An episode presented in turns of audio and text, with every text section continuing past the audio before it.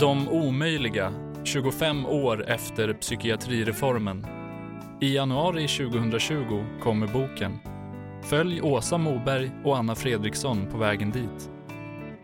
Idag har de bjudit in psykiatern Jörgen Herlofsson som pratar om skillnad mellan psykisk ohälsa och psykisk sjukdom, evidensfanatism och mycket mer.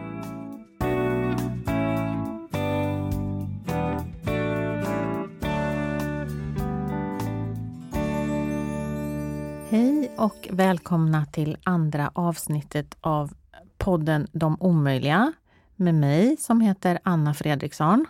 Och mig, Åsa Moberg. Vi samarbetar om en bok med denna titel. Precis Åsa, hur har det gått? Har du kommit igång och skriva någonting? Eh, det, det beror på hur man menar, men jag är väldigt ivrigt igång med att samla material. Och eh, vi ska koncentrera oss på de senaste 25 åren. Men för att komma fram till dem så har jag gått rätt långt tillbaka i tiden och samlar in material helt osorterat. Och det är ju en, en, en sorglig historia och så är det det här att psykiatrin befinner sig i ett konstant tillstånd av att själv vara övertygad om att den är den är bra just nu fast den var dålig i, igår och ännu sämre i förrgår. Och, och det tillståndet verkar ha varit hela tiden. Mm, precis. Eh, en sak som eh, också vi har pratat om, eh, det är ju det här med vem som har ansvar om man har både psykiatriska problem till exempel och beroendeproblematik. Ja, och den frågan belystes väldigt fint i ett avsnitt av Uppdrag granskning som gick hösten 2018. Vem ska rädda Sanne? Som avsatte eh, faktiskt avtryck i, eh, även i politiken. Och vi eh, hoppas ju att det ska leda till eh, inte bara insikten om att det finns stora brister, utan någonting mer. Det här är ju det blir ju lite så att när det kommer på Uppdrag granskning så känns det som att det här är en ny företeelse. Men det är ju någonting som har pågått ja, sedan lång tid tillbaka. Ja, och, och, det har pågått och det pågår hela tiden. Och eh, det är en av saker som jag försöker reda ut det när, eh, när och hur det kommer sig att man gjorde den här uppdelningen i eh, beroendevård och eh, psykiatrisk vård. För en del av dagens problem har onekligen att göra med den indelningen och den är inte väldigt gammal. När, när man läser om 70-talet till exempel så är på de stora mentalsjukhusen så är patienterna väldigt ofta alkoholister. Och de vårdades ofta inom mentalsjukvårdens ram. Mm. Det, det, det var inte bra, då var det inte bra av andra skäl. Mm. men eh, i min personliga erfarenhet, det här som brukar avfärdas som anekdotiska upplevelser, det, det är ju att det finns eh, inga missbrukare som inte har psykiska eller neuropsykiatriska funktionshinder. Alltså missbruket är eh, en, medic en medicin, en mm. självmedicinering som mm. man säger inom vården. Och det är så konstigt för när man pratar med folk om det så verkar alla ganska överens om det. Men i behandlingssystemet så saknas ju den insikten. Mm. Jag tänker att någon som var inne på liknande spår, det var ju, vi har ju träffat tillsammans en barnpsykiater som heter Per-Arne Rydelius. Per-Anders. Per-Anders. Mm. Förlåt. Eh, och eh, som jo, gjorde en tillbakablick för oss och eh, berättade om, han tyckte att det var, fungerade bättre på många sätt när vi hade en barnavårdsnämnd och en nykterhetsnämnd. Mm. Och, och eh, han påpekade också, det hade jag inte alls klart för mig, man lär sig väldigt mycket, att det har inte förekommit någon psykiatrireform inom barnpsykiatrin. Utan den reformerades liksom stegvis på grund av helt andra beslut som, som gällde skolan och mm, barnavårdsnämndernas avskaffanden och, och, hur man organiserade om socialtjänsten i Stockholm och man införde stadsdelsnämnder och så. I hela den processen så blev det som en sorts psykiatrireform för barnpsykiatrin. Men, eh, men med samma problem som den psykiatrireform som gäller vuxenpsykiatrin, nämligen att när allting skulle börja fungera på ett nytt sätt så var det ekonomiska kristider. Och det blev ju inte som det var tänkt och mycket av allas energi har ju sedan dess gått åt till att få någon annan att betala. Mm. Det som jag tar med mig av det som han sa, som jag tyckte var intressant, det var att han menade att två svek mot barn som, som har svårigheter, egna eller familjerelaterade.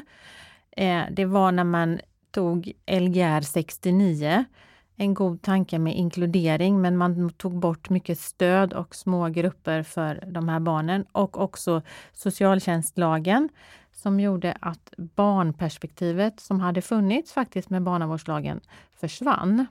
Ja.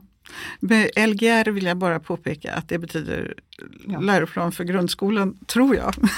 som, ja. som, eh, och, och, det är ju konstigt att en sån, ett sånt dokument får, kan få effekter på hur barn med psykiska problem tas om hand, men det fick det uppenbarligen.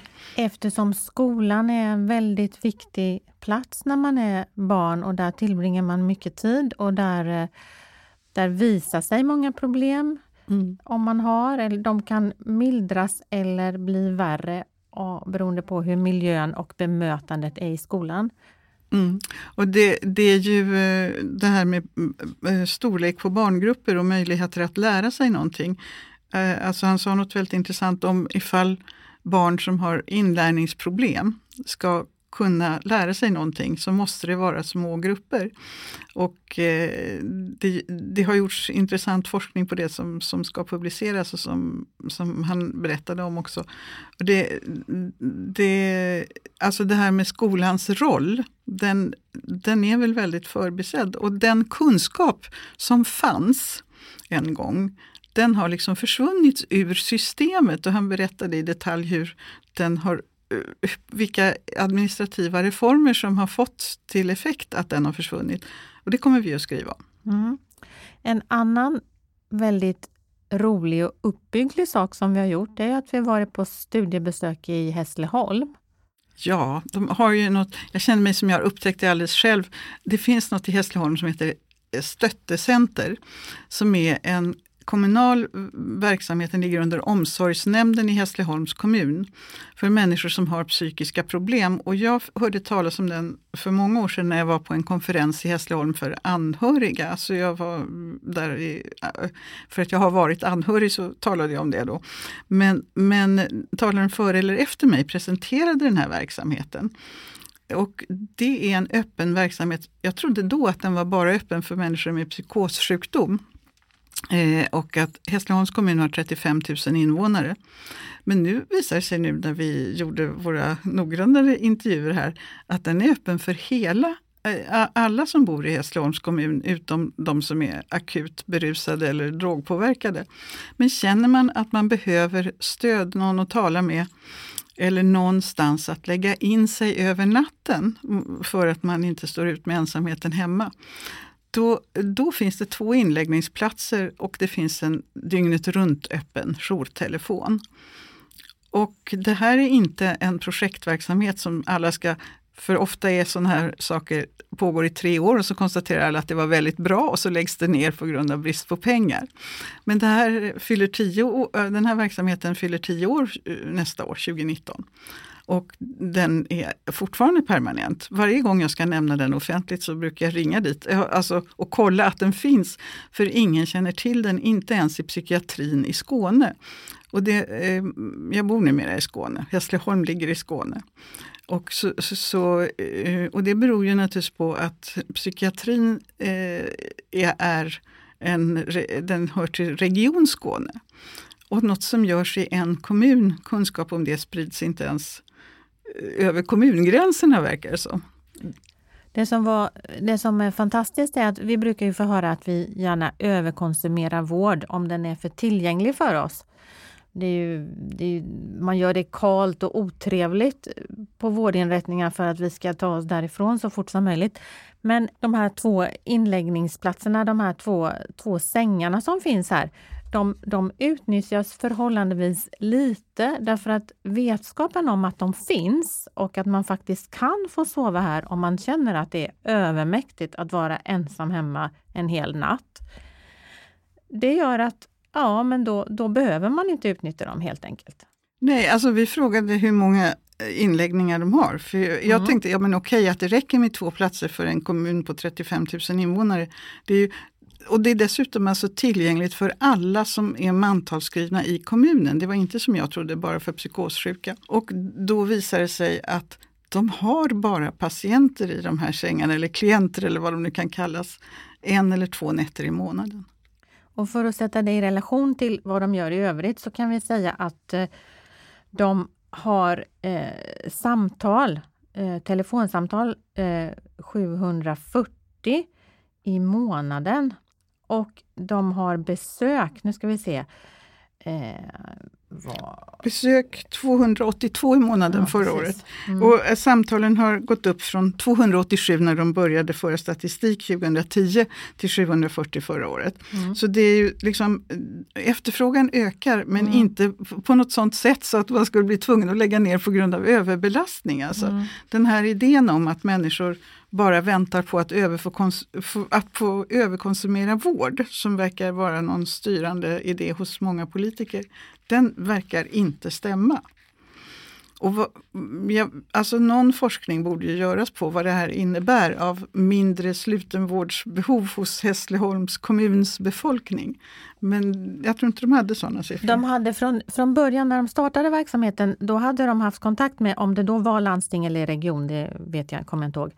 Men då kunde man se att besöken på, inom det, alltså sjukvården gick ner. Ja. Mm, men det kan du bara jämföra det kan en bara, gång. Ja, precis. Mm. Men det borde ju gå att jämföra med lika, liknande mm. kommuner. Mm. Alltså mm. liknande befolkningstal eller liknande struktur.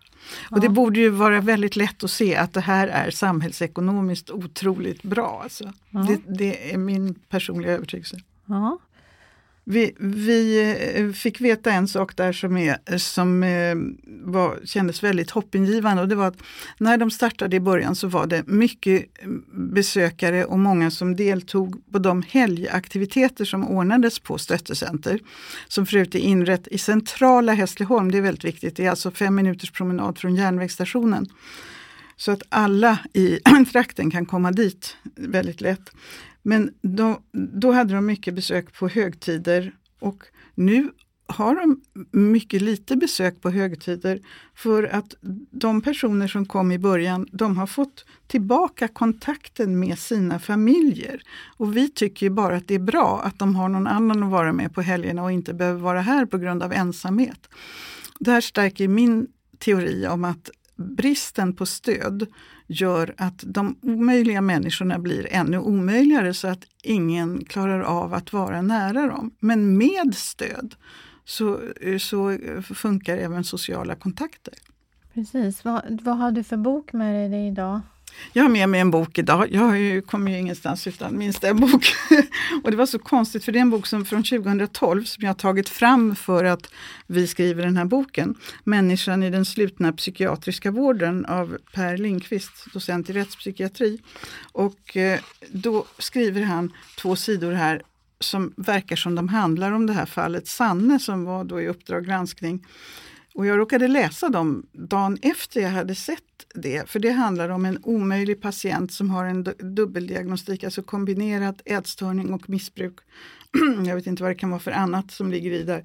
Men då, då så står det så här att det blir ofta utskrivning av de svåra patienterna på grund av ja, förtvivlan, frustration och kompetensbrist i psykiatrin. Och då så står det så här det är den ansvariga psykiatrikern som fattar beslut om utskrivning men det är ofta påtryckningar från omvårdnadspersonal som ligger bakom dessa avgöranden. Eh, det omvårdnadspersonal i det här fallet är då mentalskötare. Det är obehagligt att vara ansvarig när personal inte vill befatta sig med en patient, vårdar med tvivelaktiga metoder eller inte vet hur vården ska bedrivas.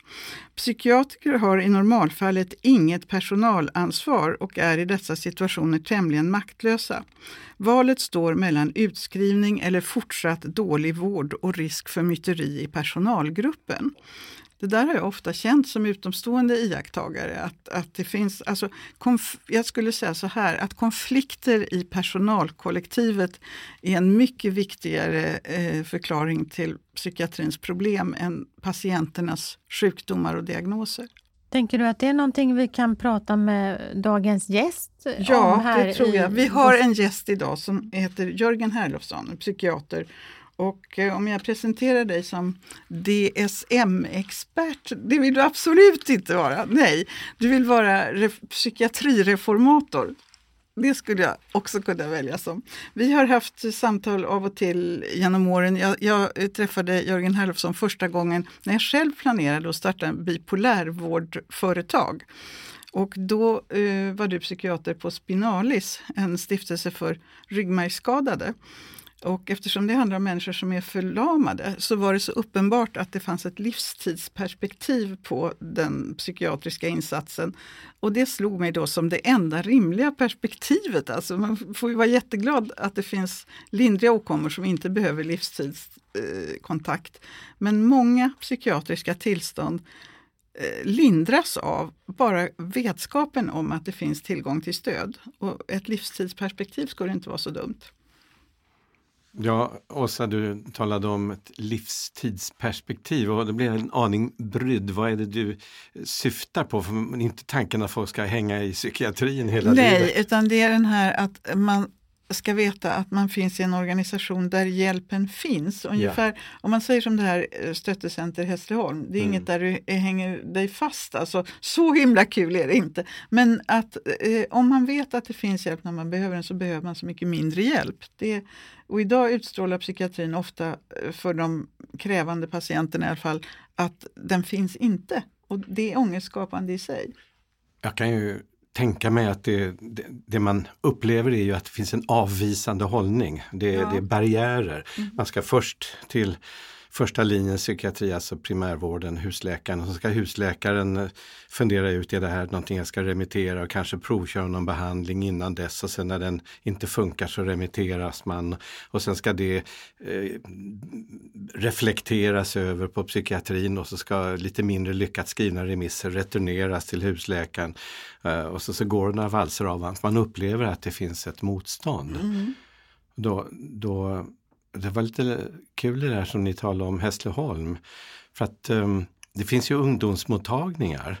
Um, jag vet inte om det är över hela landet men jag känner ju till i Uppsala, det finns ungdomsmottagningar där människor som så att säga inte är formellt vuxna kan vända sig utan diagnos, utan journalföring och, och få prata och få stöd och support. Och där Hässleholmsidén är liksom en utvidgad ja, variant exakt. av det och så utan, gäller det också vuxna. Ja, utan diagnos och utan journalföring, ja. det var ju väldigt viktigt. Ja. Och jag ett antal år tjatat om det, det här borde man kunna ha för vuxna också. Det vore ju fantastiskt att det är ju väldigt mycket nu i dagens samhälle där man talar om psykisk ohälsa. Allt är ju inte psykisk sjukdom, Nej. utan det är ganska mycket livsproblem och livsbekymmer. Man skulle ha någonting som är tillgängligt och öppet och där man kan komma och få på ett eller annat sätt eh, möjlighet att prata om sina livs tankar och vad det kan vara. Så sållar man väl fram de som då har behov av en, en mer behandlingsinriktad kontakt. Du, det här eh, att vi matas med att den psykiska ohälsan ökar. Mm. Eh, håller du med om det eller är du på andra linjen där? Det är en het potatis i psykiatrin, får jag säga. Och då brukar man säga som så här att de välkända psykiska sjukdomarna som är bekanta ända sedan antikens dagar, man kunnat se det i skrifter och så, eh, de ökar ju inte. Utan det är en, en, eh, en form av ohälsa som mm, lika mycket handlar om ett illabefinnande i den aktuella kulturen, eller vad man ska kalla det. Mm. När vi talade med Rydelius så fick vi också en väldigt tydlig bild av att eh, eh, ett fungerande stödsystem som fanns i, den, i skolan typ på 70-80-talet, eh, det är borta. Och skolan är liksom det här inkluderande där alla ska kunna gå i samma. Och alla eh, klarar inte eh, stora grupper med dålig förmåga att anpassa sig. Så, eh, eh, som jag tolkar det så har ju skolan genererat ett behov av diagnoser med sin organisation. Mm. Man kan ju fundera en hel del över vilka konsekvenser det har haft med nedrustningen av den psykosociala, det psykosociala stödet i skolan med med eh, skolkuratorer och eventuellt psykologer. Man har ju bantat ner det under de senaste 15 åren och det är inte helt långsökt att tänka att eh, det är en av förklaringarna till det här eh, ganska hemska vi ser nu med barn som, eller ungdomar som är ute och skjuter skallen av varandra.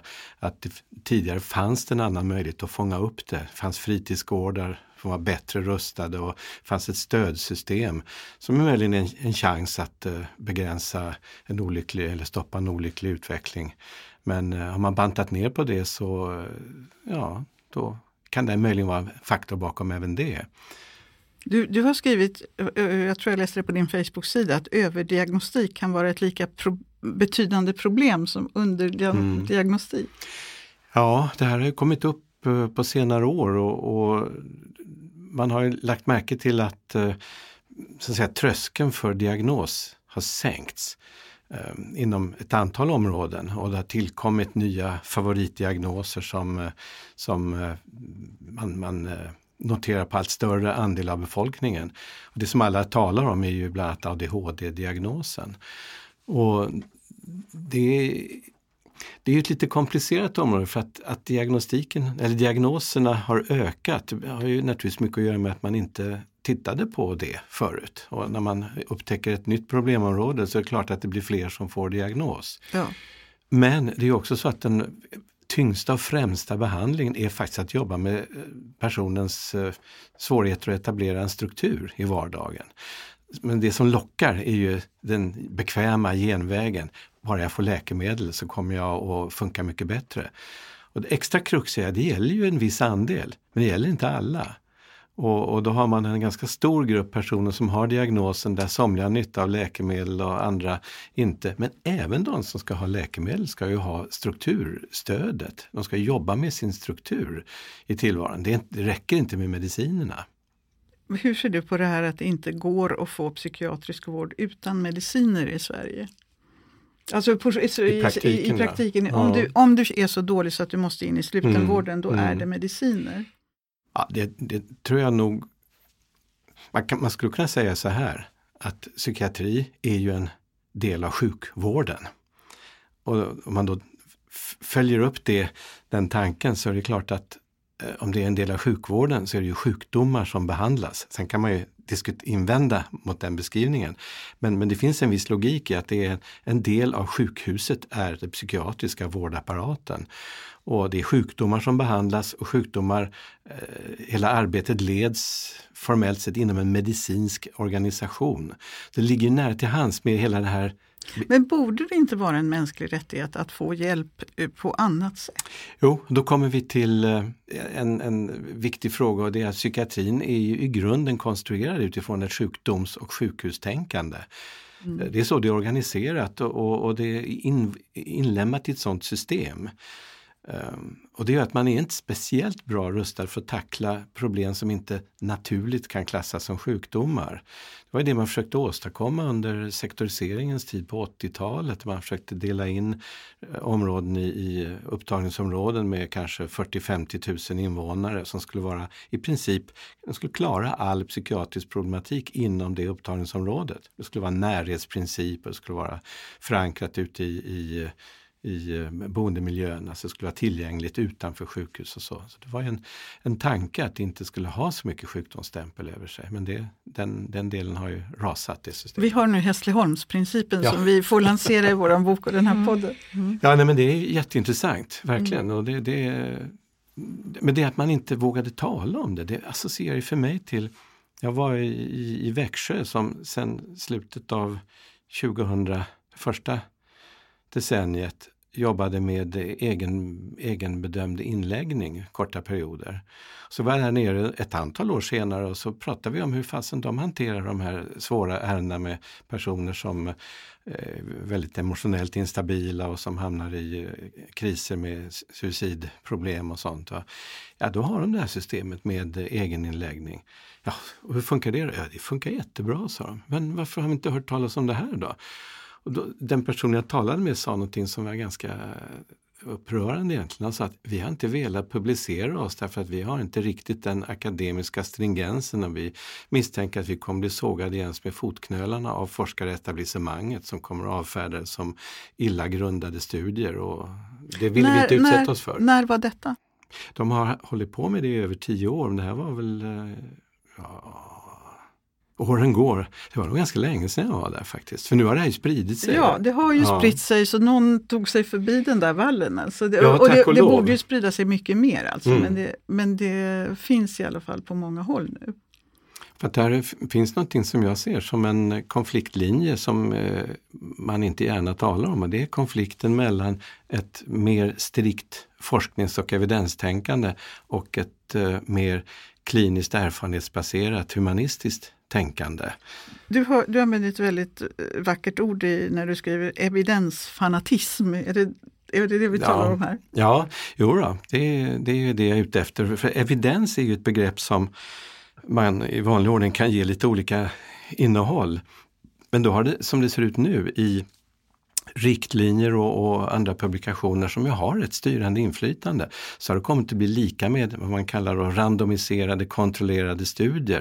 Det vill säga ett ganska specifikt forskningsupplägg med grupper av patienter som är anonymiserade förstås. Utan det, är, det enda gemensamma är att de har en diagnos som de delar och så ska det jämföras med olika behandlingar. Och poängen är att det är anonyma de är anonymiserade. Det är inte på individnivå, det är på gruppnivå.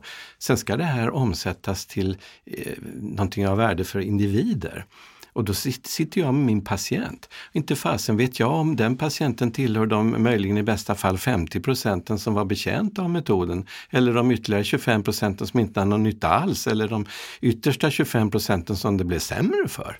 Ja, jag försökte för ungefär den vevan när jag intervjuade dig för 20 år sedan eh, få koll på ett forskningsprojekt som pågick i Dalarna med eh, schizofrenibehandling av nyinsjuknade utan läkemedel. Mm. Och, det, och det fanns då någon på Säters sjukhus som skötte det och som kunde svara på frågor. Men svaret var väldigt enkelt. Det gick inte att göra det forskningsprojektet för det fanns inga schizofreni nyinsjuknade som var behandlade utan läkemedel. Och mm. Eh, det, eh, I Sverige alltså. Mm. Eh, och det, det var ju intressant och, och jag kände ju så här i, i psykiatrin som sådan där eh, allting är så komplext. Det finns nästan inga Eh, tillstånd som kan renodlas och som kan och sen att man ska kunna säga vad patienten har varit med om vid sidan av sin medicinering mm. eller om patienten ens har använt en medicinering som är ordinerad, vilket ju ofta inte är fallet har jag ju sett. Så, så det verkar ju otroligt svårt alltså. Du, du, du hade också ett, ett uttryck som jag fäste mig vid som scientistisk anda. Nu talar vi inte om scientologisk utan scientistisk. Är det ett skällsord för vetenskaplig vill jag fråga? Ja, ja. Det är, jag har väl ungefär samma udd där som eh, filosofen Jonna Bornemark som går till storms mot eh, mätraseriet i dagens vårdetablissemang. Och scientism är ju kan man väl säga, det är den eh, beteckning man använder när, när någon är eh, övertygad om att den enda vägen mot etablerad sanning är via naturvetenskaplig mätbarhetsmetodik. Och i praktiken innebär det att man avfärdar det humanistiska subjektiva perspektivet som då gärna sorteras in under rubriken konstruktivism. Och det sågar man jäms med fotknölarna och menar är fria fantasier där man ger folk rätt att tycka vad de vill om allting. Det är naturligtvis en nidbild. Likaväl som jag kanske ger en nidbild av scientismen med, med eh, evidensfanatiker som eh, i princip säger, första de säger är, har, vad har du för evidens för det? Och det mesta inom sjukvården saknar faktiskt evidens och det gäller inte bara psykiatrin, det gäller andra specialiteter också men det talar man inte så mycket om. Nej, det får vi ha en annan gång, i ett annat program alltså. Det är ju jätteintressant. Men evidens för att vara tydlig, det är, är bevis ett vanligt svenskt ord? Eller vad, nej? Belägg brukar Belägg, jag ju belägg, hellre okej. säga Ja, belägg och, och då bara. finns det forskningsbelägg och det finns eh, klinisk erfarenhetsbelägg och i en evidensgrundad eh, behandling så ska man räkna med tre perspektiv. Det är den unika patienten, Mm. det är det kliniska perspektivet som förhoppningsvis behandlaren har i form av erfarenhet och kunnande och blick för saker och ting. Och sen är det forskningsevidensen som är, hjälper oss med ett urval där vi kan pröva men vi ska inte vara låsta vid det eftersom det är så mycket som inte är beforskat. Men den, när du säger då den unika patienten, är det där jag eventuellt skulle få komma in och berätta lite om hur den här behandlingen funkar för mig? Ja, det, just det. Ja, inte bara det utan eh, man, man, man arbetar ju i den ideala världen, drömvärlden här, så är det ju så att man möts i personcentrerande anda, det vill säga man, man har varsin roll.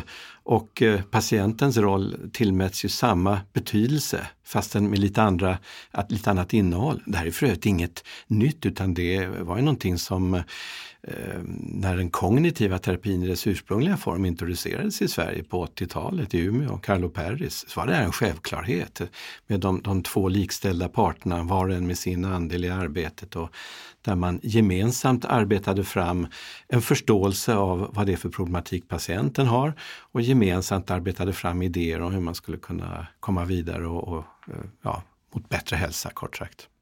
Om du och din kollega Herman Holm, jag vet att ni samarbetar och och delar många synpunkter om att psykiatrin borde reformeras. Är- Har, har ni någon sån där, det här är vad som bara måste ovillkorligen ske? Eller? Det, det, det var en tuff fråga och, och jag skulle väl spontant svara att det är någonting med att man, man talar inte om ideologi eh, generellt sett. Och, um, I praktiken så visar sig väl det i att man har inte reflektionsutrymme. Det är någonting vi har diskuterat en hel del.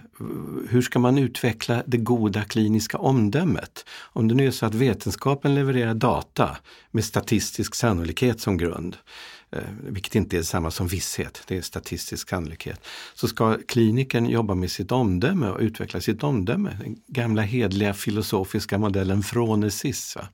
Alltså vardagsklokhet. Det är en erfarenhetsbaserad kunskap. Hur utvecklar man det? Jo, sannolikt genom ett lärlingssystem. Och så var det ju när jag började i psykiatrin. Det var ett lärlingssystem. Man lärde av andra. Man tog in det som man upplevde eh, låg väldigt väl till och man kanske var lite kritisk till somligt som inte passade en. Men man utvecklades i en lär, ett lärlingssystem. Så är det inte nu utan nu får alla själva sitta och googla på nätet och, och, och då blir det en, en, en väldigt scientistiskt baserad kultur man får fram. För det är det man får fram på nätet. Då är det inte den här omdömesutvecklingen man satsar på. Det tror jag nog att Herman skulle hålla med om. Ja, du behöver verkligen inte tala för honom, jag bara har så stor respekt för honom så jag känner så jag, tycker det, det som har förvånat mig genom åren, det är att jag, jag började skriva om psykiatri 1968. Jag tror det var bland de första ämnen jag kastade mig över som krönikör på Aftonbladet för jag fick så mycket patientbrev. Och eh, eh, jag har ju genom alla år träffat så många kloka psykiatriker som har eh, liksom vel, både försökt och somliga som har velat och inte kanske lyckats i praktiken med, med olika reformer och nyheter och så. Och allt verkar så otroligt tungt och Mm. svårt. Och de unga människor som jag träffar idag som arbetar i psykiatrin, de är, när, jag frå, när jag frågar dem om vad de tror om om sina, sina egna verksamheters omedelbara framtid så är det ju inte mycket hopp om. Och, och då beror det inte på deras vilja utan det beror på ledningen. Alltså, jag har haft en hel del kontakt med ledningen och, och där måste jag säga fått en viss medkänsla för det, de står under våldsam press ifrån sjukhusledningen eh, ledningen, man säger ledningen för psykiatrin. Nu talar vi om ledningen överallt, alltså Ja. det här är inte någon speciell ledning. Utan... Nej, nej, nej, men generellt sett så uppfattar jag det som att eh, politikerna lägger ut sparbeting och det är lite olika hur det är organiserat. Om de har en sjukvårdsadministration som tar över politikernas roll utan att kunna branschen. Och sen lägger de, fixerar de direktiven till sjukhusdirektören som i sin tur sen ska se till att de olika medicinska specialiteterna får vad de förtjänar. Och det blir huggsexa. Och psykiatrin är ingen stark röst i en sjukhusorganisation. Det kan jag säga. Nej, vi, vi pratar om att det är en av de största eh, psykisk ohälsa ligger bakom allt fler sjukskrivningar. Samtidigt Mm. så finns det ingen automatik i att resurser följer med och styrs om eller ökas på. Samtidigt så måste jag ju säga att jag inte i första hand brydd över resurserna utan jag tror att det är mera alltså bristen på genomtänkt ideologi och samsyn. Det skulle, man skulle behöva ett genuint samarbetsklimat, alltså personcentrering internt i organisationen på samma sätt som man försöker förverkliga det gentemot patienterna. Ja, men alltså det är en grunddel i den personcentrerade vården har, Ja. jag, har jag lärt mig av Inger Ekman Ja. vid Centrum på personcentrerad vård, för personcentrerad vård i Göteborg. Att, att eh, det omfattar ju även personalen och det tror jag är en anledning att Vårdförbundet är ju ivriga förespråkare Mm. för personcentrerad vård. Mm. Eh, det, det, alltså, per, personalen får mm, också större utrymme för ett humanistiskt Mm. perspektiv. Mm, Men det där kräver en väldig medvetenhet från ledningen och då har man alltså en organisation som är inkörd på att eh, värna sig emot ledningens direktiv. Det är inte lätt med 700-800 medarbetare i ett större sjukhus att svänga om det till en annan vårdkultur. Kan man säga. Men, men det där är precis det, det som eh, det som man borde försöka komma vidare med. Ett, ett sätt är ju kanske att frigöra psykiatrin ifrån övriga medicinska specialiteter och lägga det parallellt med eh, primärvården så att man blir lite mer oberoende av bråken inne på sjukhusen. Det låter bra. Ska vi hoppas på det? Ja, det låter... Passar det som en fin avslutning på att du kom hit till oss, Jörgen? eller, eller vill du ha ett slutord? Nej, det, det, det tycker jag nog funkar bra som slutord att man skulle kunna få en, en bättre ideologisk sammanhållning om man fick eh, jobba mer ostört och inte behövde vara inne i konkurrensen på sjukhusen. Det är en tanke, verkligen. Snart borde ni få hälften av pengarna eftersom det snart är hälften av diagnoserna som är psykiatriska diagnoser. Ja, om man också får fart på ideologiresonemanget Mm. så tror jag att det blir en samsyn som skulle kunna vara, eh, göra stor skillnad. Tack så hemskt mycket säger vi till Jörgen Herlofsson som har varit gäst hos oss, Åsa Moberg och Anna Fredriksson. Och då säger jag tack också. Du har lyssnat på De omöjliga med Åsa Moberg och Anna Fredriksson. Gäst i programmet var Jörgen Herlofsson, psykiater och DSM-specialist. Ljudtekniker var Charles Eggers, producent Jeanette Malkan och inspelningen gjordes på Natur och kultur. Musiken är specialskriven av Mårten Moberg. En rättelse i avsnittet nämner Åsa Moberg en felaktig, för låg invånarsiffra för Hässleholms kommun. Den rätta är 52 000 invånare. Vill du dela med dig av dina tankar efter att du lyssnat? Skriv gärna till deomöjliga.nok.se